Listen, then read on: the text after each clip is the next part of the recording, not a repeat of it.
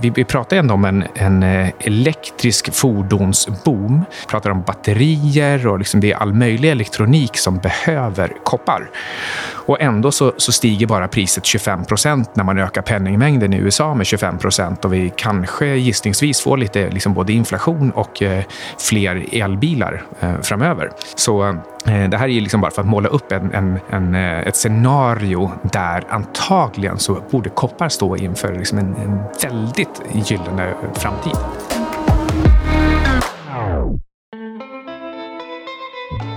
All I want for Christmas is to visit the central bank of Argentina. Uh, ja, har du inte fått besöka den ännu? Nej, inte ännu. Så att uh, jag liksom, jag bara går och väntar här. Och uh, det har varit så...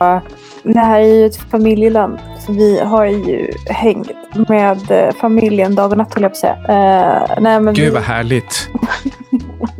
vi jobbar härifrån och sen så eh, är det alltid någon som dyker upp på kvällen. Och så så vi, eh, vi har liksom inte haft någon tid att göra någonting annat förutom att äta det köttet som jag också lagt bild på Twitter eftersom att vi ändå pratade om det i förra podden. Mm, nej, men jag, jag har sett det. Ehm, det skulle kunna ge upphov till en sån här rubrik. Eh, ägarna till AG eh, sliter sitt hår.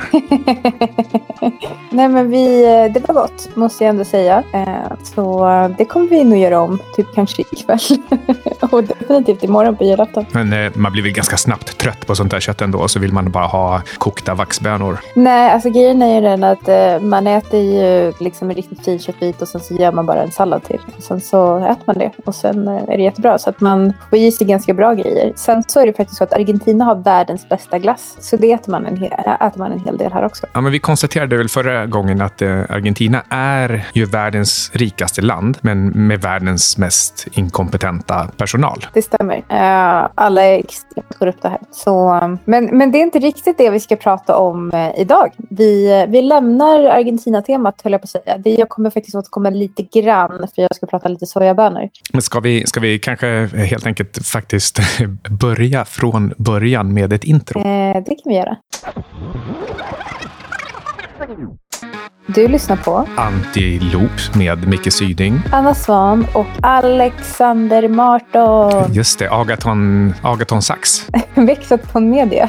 Ja, ja, ja. Kan, jag kan inte ens eh, smsa Alex utan att skriva med versaler. Alexander Marton. För att jag har sagt det så många gånger på den. Och det här är avsnitt 14. Lite sammandrag och utsikter kanske. Om man ska vara riktigt konkret så jag ser det som en new beginning för inflation och råvaror. Nu är det äntligen dags att bottna. Ja, verkligen. Och, eh, och vissa av dem har ju gjort det eh, för ett tag sedan redan. Så eh, jag kommer snacka en del softs och inte som helgrupp utan jag har valt ut tre stycken. Så tänkte jag prata lite om vad som hänt under året och vad jag tror om nästa år. Och det är lite olika utsikter för de här tre. Jag tänkte prata lite sojabönor, kakao och socker. Du kommer gå in lite mer på metaller. Vi kommer såklart nämna guld och även självklart bitcoin. Mm, och så kommer jag också in på eh, olja och koppar och lite räntor också. Alltså det vill säga att jag, jag, ser alla de här sakerna vi pratar om som en slags eh, värdemätare, temperaturmätare, vindflöjlar kanske på ekonomin och var den är på väg. Så det här blir som ett eh, makroavsnitt med fokus på konsekvenserna av eh, den penningpolitik som vi har sett på grund av corona i år vi eh, accelererar in i framtiden. Ja, den kommer allt snabbare. Vi var ju faktiskt inne på det igår, att Argentina är redan i framtiden. Eh, det här är ju också faktiskt temat för årets julkalender som vi började titta på de första avsnitten, där två tjejer byter plats hundra år i, i tiden. Så att den ena får ju liksom komma hit till Argentina och se hur det är. det är jag då. Nej, men eh, om jag ska gå in lite på de här mjuka råvarorna som jag har tagit med mig idag. Eh, så eh, tänkte jag börja med US soybeans. Eh, de är upp 30 procent year to date och eh, de handlades faktiskt sidledes i negativt territorium fram till slutet av augusti. Så mer än halva året var liksom ganska kämpigt för den här råvaran. Och efter det så har de stigit från typ 9 dollar till 12,5 dollar per bushel. Och eh, det är faktiskt fortfarande väldigt, väldigt billigt. För produktionspris per varsel ligger fortfarande runt cirka typ 12 dollar. Plus 30 eh, procent, det är väl ungefär bara dubbelt så bra som eh, USA-börsen. Det, det, låter ju riktigt klent. Ja, men precis. Eh, och sen så är det väl... Jag ska gå in lite på utsikterna för 2021 och varför lite senare. Men jag tänkte också prata lite om US Cocoa.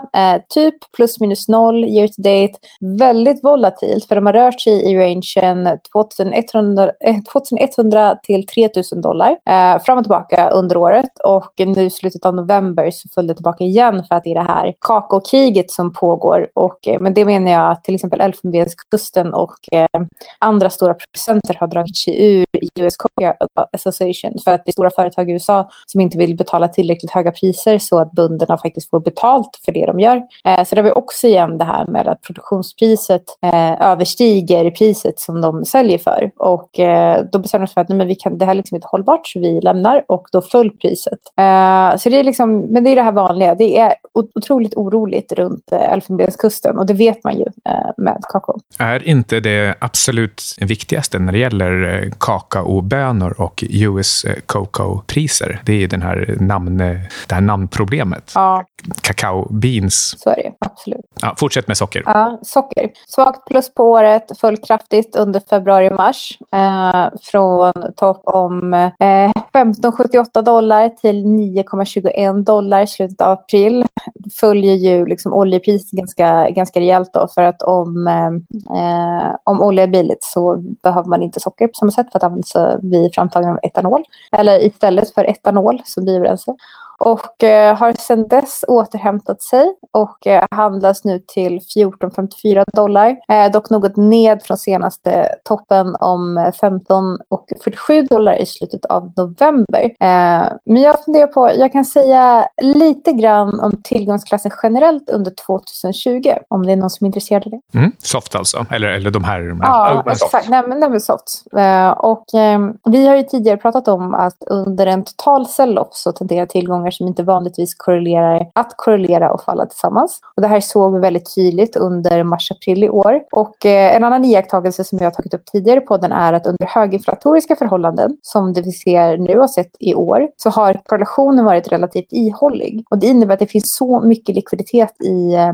i marknaden så att det måste in någonstans. Men man måste också vara väldigt noga när det kommer till korrelation. Eh, det säger egentligen väldigt, väldigt lite om olika tillgångar. Jag, prat, jag vet att jag pratar ofta om att ja, men jag letade efter eh, tillgångar med låg korrelation till varandra. Men det här är egentligen det är både intressant och inte intressant. För den här typen av data behöver ständigt uppdateras. Och bara för att du hittar två tillgångar som de senaste kanske 10-20 åren inte har korrelerat så betyder det inte alls att den relationen håller i sig även framgent. Eh, så, så för mig var det inte bara viktigt att hitta någonting med negativ korrelation till börsen utan, eh, eller kontracykliskt till börsen utan också någonting som eh, redan var väldigt väldigt, billigt så att nedsidan inte var fortsatt stor. Och eh, precis då som jag sa innan, i, under höginflatoriska till, eh, eh, miljöer så, så korrelerar tillgångar. För pengarna måste någonstans och då flödar de in i alla tillgångar och då går de uppåt.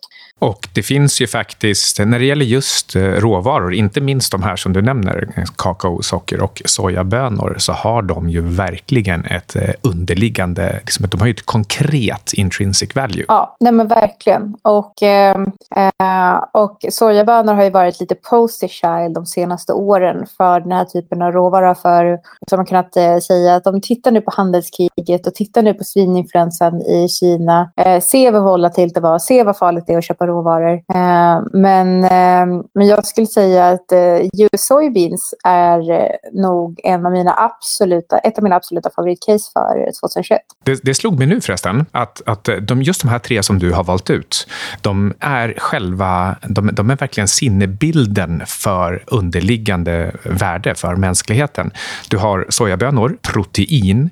Det är liksom en av de få saker som vi har svårt att tillverka kostnadseffektivt artificiellt. Men, men det här är liksom någonting som mänskligheten verkligen behöver. Om det gick att lagra protein, då skulle det vara den perfekta eh, store of wealth-tillgången. Eh, eh, och, och sen har du kalorier, liksom det vi behöver, alltså människan behöver för att röra på sig. Där har du socker. Det är precis det vi liksom använder och behöver. Och sen till slut. Men, men so socker, socker eh, används ju framförallt som biobränsle, ska man också komma ihåg. Så det är ju också, eh, också viktigt ur en annan energisynpunkt, att vi måste faktiskt ha ett färdmedel. Mm, så det är ju verkligen kalorier på, på två sätt. Och sen till sist så har vi kakao, underhållning. Så underhållning och samvaro som är vad vi människor behöver för att faktiskt ha någon anledning att vara här. Så vi har det, protein, kalorier och underhållning. Precis. Så mina utsikter för 2021 för sojabönor och varför eh, kommer, ge mig en trumvirvel, Alex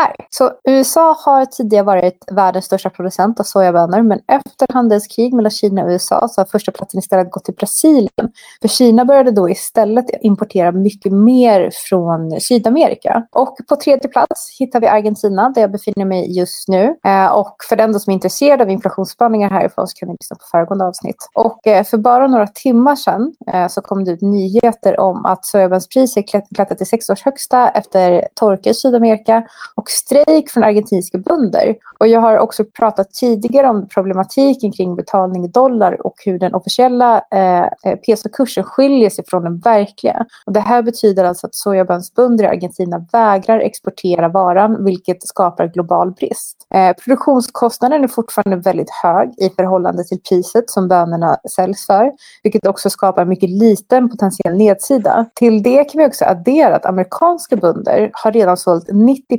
procent av sin skörd för 2021. Och det här innebär att om produktionen kommer in lite lägre än väntat så kommer vi att se en brist. Och det kommer att kunna pressa priserna eh, mycket högre.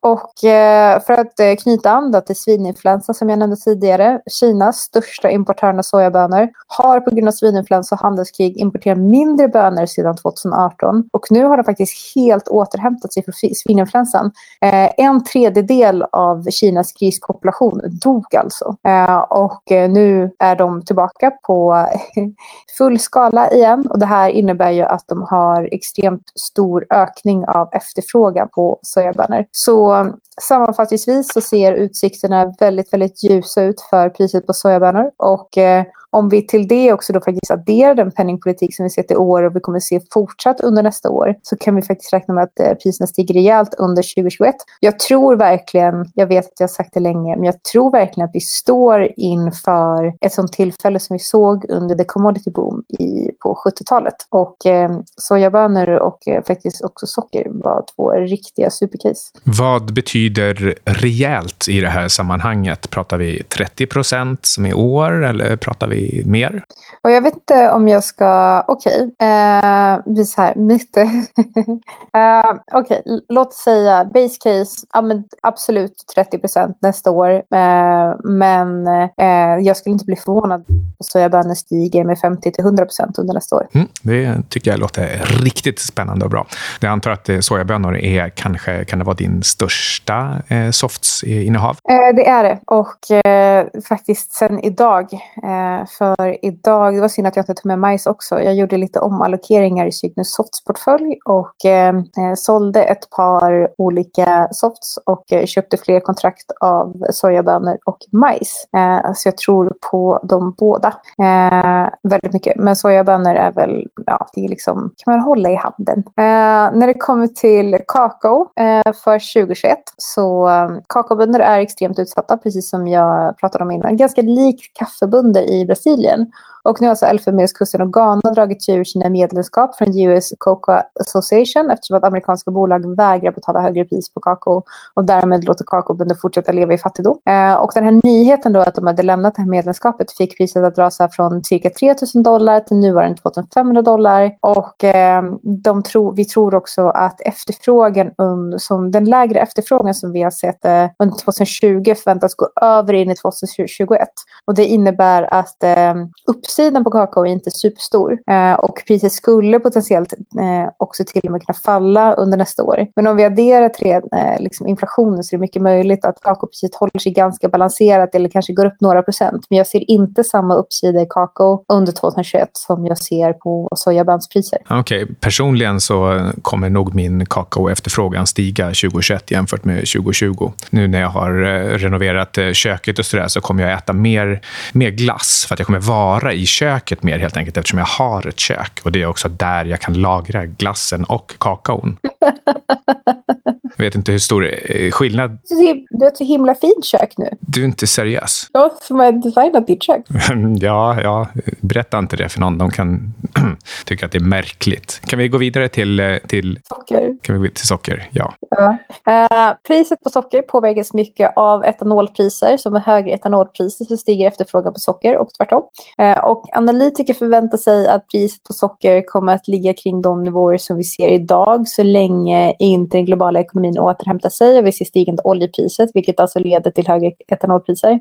Men det här är liksom vad analytiker tror. Jag håller faktiskt inte riktigt med för jag tror att oavsett hur den globala ekonomin mår så kommer inflation leta sig in till både energi och därmed sockerpriser. Vilket gör att jag tror att potentialen i socker ändå är hög under nästa år samtidigt som nedsidan är relativt liten. Så bra risk-reward. För då ska man också säga att socker var den råvara, eh, den jordbruksråvara som under commodity boom under 70-talet steg mest. Fem gånger dubblades det och det var inte som så att, eh, att, eh, att, att oljepriset låg lågt heller. Men, nej, men jag, så jag tror definitivt på, eh, jag, jag, tror att oljepriset kommer gå upp och därmed kommer sockerpriset gå upp också. Om man köper narrativet att det kommer fungerande vaccin nu mm. och att det först, eh, vi, ser ju att det är liksom extra eh, kraftiga nedstängningar just nu på grund av att liksom just under slutspurten under, under våg två eller på vissa platser, Hongkong till exempel, våg fyra, så, så, så, eh, så stänger man liksom ner extra hårt och därmed så behövs det extra stimulanser. De, de kommer ju nu samtidigt som vaccinet håller på att börja tillverkas. Då får vi ju ett, en, en utvecklingslinje där vi har extra mycket stimulanser ute och sen kommer vaccinet och då öppnar man ekonomierna och då blir det överhettning snarast. Alltså vi får ju extra skjuts i ekonomin plus extra mycket pengar. Så du har inflation, eh, ekonomisk tillväxt eh, eh, och, och i, i det perspektivet så borde ju verkligen råvaror och råvarupriser dra, eh, inklusive efterfrågan på olja och etanol och därmed socker. Så, så eh, jag håller med dig. De, eh, de här analytikerna, med mindre än att vaccinet slår helt fel eller det kommer kraftiga mutationer av viruset, så borde socker stiga. Ja, jag håller med. Eh, Um, så jag, um, jag står utanför analytikernas uh, förväntningar på socker och tror att uh, det kan vara ett ganska bra case för uh, nästa år. Men sojabönor är, är min favorit. Det är inte en rekommendation, det är bara en analys. Gör din egen.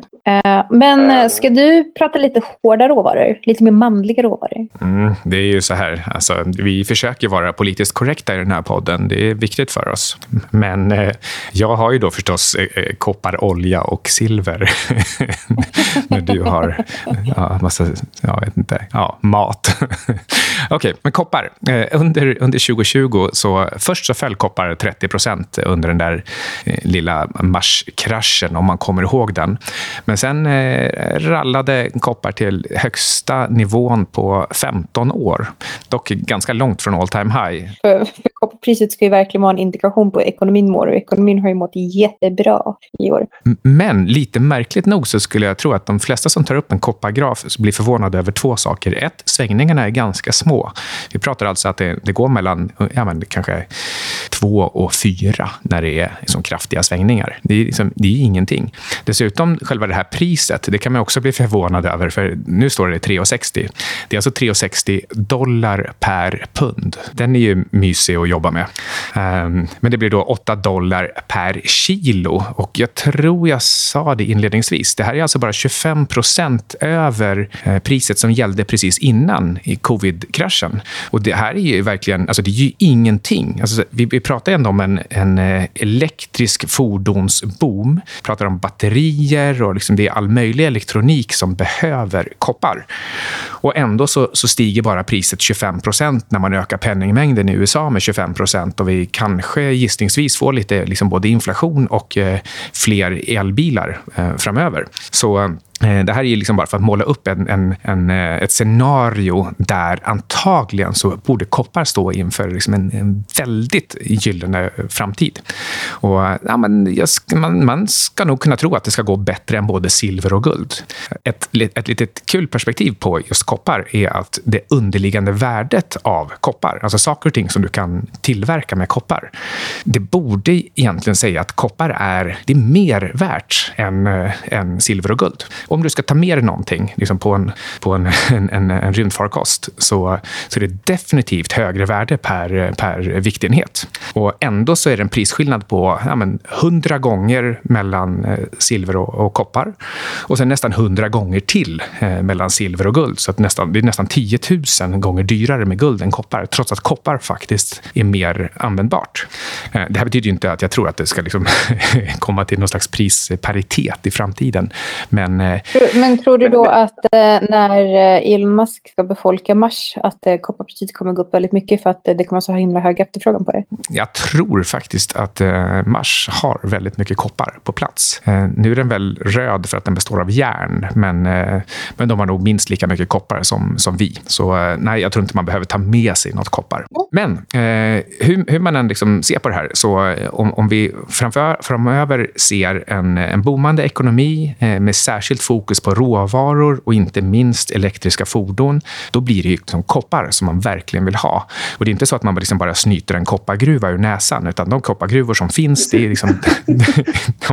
ja, nej, det gör man faktiskt inte. Jag vet inte om du kan se det framför dig, hur det skulle se ut. Nej, men så, och, och då, då, då, finns det faktiskt ett bolag som vi absolut inte ger någon rekommendation till, men det är EMX Royalty som har ungefär 60% guld och 30% koppar i sig. Så, så där får man ju liksom världens, världens bästa kombination av, av två råvaror. EMX är mitt sorgebarn. I både en inf- ja, jo, du gillar att köpa på toppar. Eh, bara, ja, nu, nu, drar den! Nu drar den! nu bröt den ut igen. Nu köper jag och så får den packa. Det är, liksom, det är vårt eviga skämt på kontoret. Ja, nej, men så, så, eh, eh Dr. Koppar är redan ganska positiv till ekonomin. Det kan man liksom se på, på chartet. Eh, men verkligen ur min, mitt perspektiv förvånande. Har gått förvånande lite. Alltså det måste ju betyda att liksom, koppargruvorna än så länge de, liksom, de lyckas ju hålla produktionen eh, i, i nivå med, med efterfrågan. Men eh, om nu vaccinen fungerar, men jag kommer till det, så, eh, eh, så kan, det borde det faktiskt vara så att kopparpriset kan börja dra. Det kanske inte, liksom, jag vågar inte riktigt säga att det är 2021 som, som det händer, men eh, att, eh, att på sikt eh, liksom, i alla fall fundera på, åtminstone hålla ögonen på priset så att man vet när man vill göra sitt sånt här unit-linked hopp från andra saker, från eh, sojabönor och, och silver till koppar. Det, det, ska man i alla, fall, liksom, i alla fall hela tiden veta att koppar kan mycket väl dra mer än de här andra sakerna. Tror du att det kan 5x på ett år? Eh, hur mycket sa du? 5x. Ja, men på vilken tidsperspektiv? Ja, men på ett år, jag. Ja, nej, nej alltså, det, den, den, har, eh, den har gått så lite eh, historiskt. Eh, så eh, från nuvarande 360... Nej, jag, jag, skulle, jag skulle ju bli jätteförvånad om den ens gick 100 procent 2021. Eh, det skulle jag. Men, men, eh, men däremot så skulle den kunna gå 50 procent om året hela 2020-talet. ja, eh, absolut ingen rekommendation. Men en, en annan liten... Lämnar den en utdelning då? Nej, jag skojar bara. Mm. Um, kopparpriset och eh, tioåriga räntan de har också en ganska intressant liksom, korrelationsformation. Eh, Ibland så är de helt okorrelerade och sen har de ganska långa perioder där de, där de korrelerar väldigt bra. Men de, de tenderar hela tiden till att leta sig tillbaka till varandra. Och just nu så har vi en episk spread mellan koppar och tioåringen där, eh, där koppar är väldigt, väldigt högt upp och tioåringen är väldigt, väldigt långt ner. Och då är frågan, på vilket sätt ska vi stänga det här gapet? Ska vi liksom krossa ner kopparpriset eh, eller ska tioåringen upp? Och då väljer jag att tro att det är tillväxt och inflation och tioåring som ska upp till kopparpriset. Och faktiskt till och med så att kopparpriset ska vidare upp härifrån och tioåringen ska då alltså upp väldigt mycket. Och det kan det nog antagligen egentligen bara göra om vi får en, en, en riktig inflation. Och det är faktiskt det alla centralbanker vill ha, även om de då kanske inte inte riktigt vill ha en högre tioåring, men, men det kan vara så att de får den på köpet lite grann. Det beror på hur mycket QV de drar till med. Men, och det finns väl ingen övre, ingen övre gräns för det längre? Nej, och försöker de hålla, hålla tioåringen nere med QV, då tror jag då kommer ju kopparpriset och alla råvaror vi har pratat om dra desto mer. Vilket gör att vi har en sån här... Oj, eh, vad heter den här? Det är någon med ett tyskt eller tjeckiskt efternamn som pratar om the perfect trade. Gurjevic eller något sånt där. Är det han? Alex? Alex ja, något sånt. Alex Gurjevic kanske, the, the perfect trade. Um, det, det, är liksom en perfekt asymmetrisk trade i råvaror. Uh, de ska helt enkelt upp massivt och uh, bland annat uh, koppar ska gå riktigt bra. och då har vi oljan då. Alltså, och den var vi inne lite grann på, fast bara snuddade. Mm. Så du kan väl ge din fullständiga analys? Ja, den kommer bli ännu kortare än, än snuddningen. Men, men om vi har Dr. Koppar på ena sidan så har vi Oljan Slobovic på andra sidan. Han är lite mer av en praktiker. Ehm, och han har, han har de här eh, social justice warriors emot sig. Lite som, som jag också ofta har. Ehm, så har han ESG-trenden emot sig. Ehm, men det är också så att eftersom alla såna här SJW är emot honom så blir det svårt att finansiera ny produktion av olja. Och det kan faktiskt leda till brist. Återigen, om vaccinen funkar, då kan vi få en riktig boom och oljebrist. Och att oljepriset, ta, ta WTI då, eh, ligger i 47 nu och det låg i någon slags genomsnittspris på 55 innan covid. Egentligen så borde ju genomsnittspriset vara högre efteråt med tanke på allt penningtryckande och särskilt om vi släpper ekonomin fri utan, utan bromsar. Så det, det finns liksom en, finns en bra uppsida här på säkert 30 procent på, på oljepriset i sådana fall. Mm. Ehm, det är inte så att jag skulle vilja investera i olja och heller faktiskt inte oljebolag, för de, de kommer också pressas av kostnadsläget i en sån här uppgång. Men, men oljepriset i sig ska man nog ändå ha klart för sig att det, det kan mycket väl gå ganska kraftigt. Så det är i alla fall ingenting att blanka, eh, trots eh, e EV-boom, alltså electrical vehicles. Och sen då kanske, ja, till sist kan vi kalla det för bland råvarorna, så har vi eh, silver och guld. Och i i korthet så, så tror jag silver kan gå åtminstone två gånger så mycket som guld. Och då pratar vi, alltså nu ligger silver i 25 dollar per, per ounce eh, och eh, eh guldet står i 1860 kanske. Jag tror att silvret kan gå från 25 till 50 ungefär i jämviktspris. Och det här baseras på industriell efterfrågan och på att det hänger med ekonomin realt, alltså penningtryckande och ekonomin i, i stort. Så att, så att, vi kan verkligen hitta en ny jämviktspris som är ungefär 100 upp från, från dagens pris. Ehm, eh, men sen kan vi också se en spike, för, för eh, silverpriset är väldigt känsligt för efter, eh, skillnader i, alltså svängningar i just investeringsefterfrågan. För det finns väldigt stora lager. Det finns guldtackor och guldmynt överallt och de kan man liksom sälja till industriella användare. Ehm, så, men, men, men när investerarna blir sugna på att ha silver som en slags lillebror till guld, ja, då blir det plötsligt bristsituation och industrin måste ha silvret. Och silvret är ofta en ganska liten del av det man egentligen tillverkar, så man är beredd att betala väldigt mycket. Så, så man, vi kan säkert se spikar på upp till 100 eller 200 dollar per ounce under kommande år. Och det, det skulle inte se särskilt konstigt ut på en graf heller. Men, men, men då pratar vi nog eh, liksom en fem tioårsperiod, precis som vi gör om vi pratar att guld ska gå till 10 000 dollar. Men, men, men, men här finns verkligen ett, ett läge för silver att visa att man är guld på steroider ibland. Du vet, liksom, vare sig du eller jag tycker att det är det översikt, men, men ibland så går silver mycket, mycket mer än, än uh, guld och sen får man en baksmälla. Och, och, och till exempel efter covid-kraschen här så, så, gick silver upp 150 procent, från 12 till 30. Men guld gick bara upp knappt 50 procent. Så silver gick ju tre gånger så mycket. Mm. Ehm, och sen, sen har vi också den här möjligheten att eh, jag tror Robin Hoodarna, om de börjar hitta till metaller, ja, nej, de är, för det här är ju smart money, då är det... Se... Lite. Vet, du, vet du vad snitt, äh, snitt, hur stor snittportföljen är på Robinhood? Ähm, 10 000 dollar.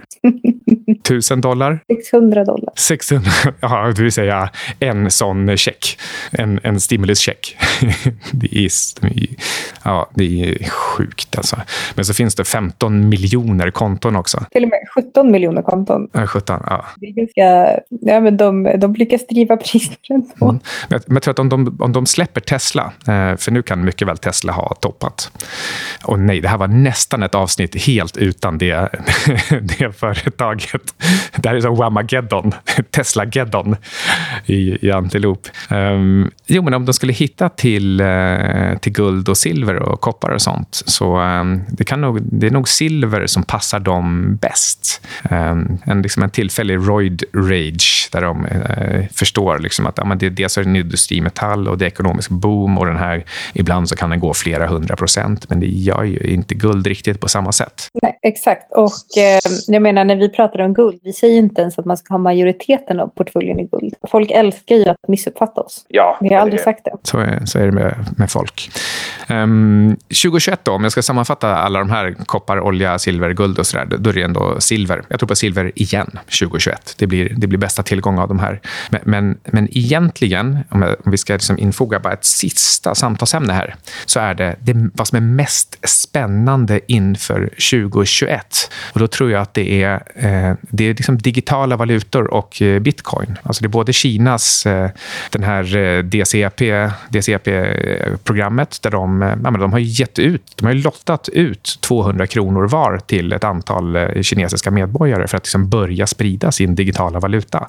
Det här är en utveckling som det är ganska få som pratar om den, men, men så fort Kina har spritt sin egen digitala valuta på det här sättet, då lär sig folk att ha wallets för kryptovalutor. Och ganska snart så inser man att jag vill ha en riktig kryptovaluta, inte Kina-valutan. Så eh, min spaning är att bitcoin kan gå tio gånger 2021, alltså tusen procent.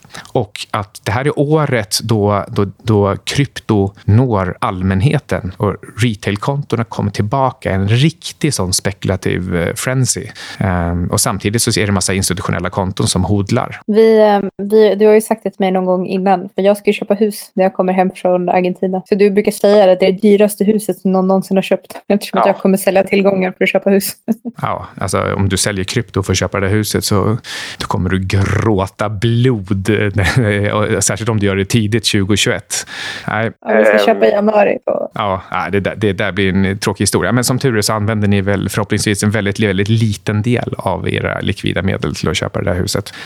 Um, I anslutning till, till krypto, så, så, så, så, det här kan ju bli ett helt eget program en annan gång, men jag vill bara lyfta fram ett sätt att köpa bitcoin på. Uh, om man nu inte gillar uh, tracker-certifikaten och man heller inte gillar eh, Revolut eller, eller att köpa direkt, för då kan det bli skatt, så det kan det väl bli via Revolut också.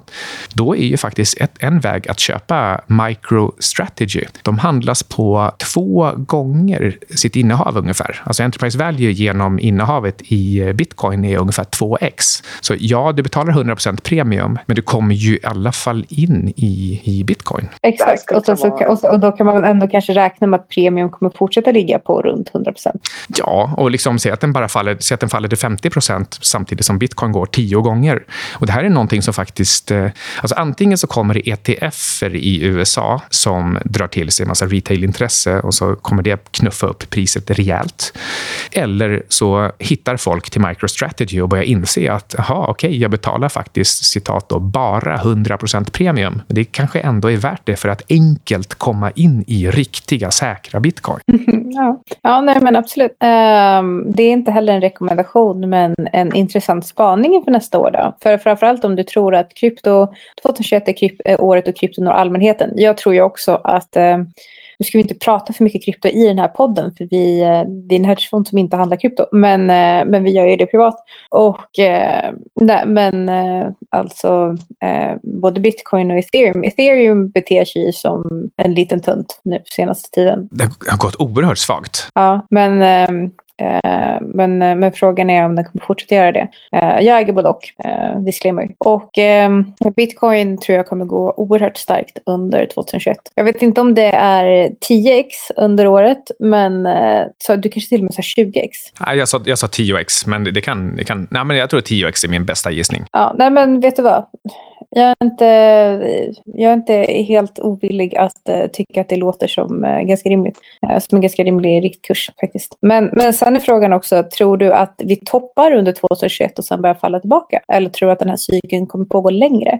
Ja, men, jo, nej, men jag tror att vi kommer att se en, en, en peak under 2021. En ganska liksom, rejäl peak ändå. Om det nu blir tio gånger, om vi tar det från nu, 24 000 till 250 000, så, så tror jag att vi, vi kommer säkert se 100 000 igen efter det. Ja, men, men med det sagt skulle jag vilja säga att eh, jag tycker ju faktiskt inte, eh, får jag väl massa skit för det här, att, eh, att du ska stoppa hela din kryptoportfölj i byrålådan och bara vänta i flera år. Utan, eh, utan om priset går 5 eller 10x, ja, men sälj av en del då. Det ska inte vara så stor del av din portfölj i alla fall.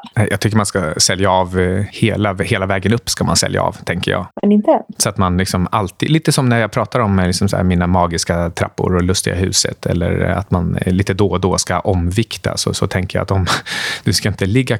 Om du nu allokerar 5 till, till bitcoin, då ska du inte liksom bara ligga passivt och se den tiofaldigas. Du vet ju inte att den ska tiofaldigas. Och liksom, det, är inte, det, är inte, det är inte en vettig allokering av din förmögenhet. Jag menar, herregud, det här är ju bara en programkod.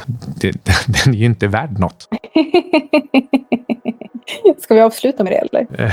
Eh, ja, och nästa gång så skulle jag vilja prata om misslyckade vaccin och mutationer. Ja, det, det låter som en, eh, som en intressant dystopisk idé. Som, som, en, som en loop, en dystopisk loop. Då har du lyssnat på Dystoloop. Antiloop. Du har lyssnat på Antiloop Podcast som produceras i samarbete med Vexaton Media.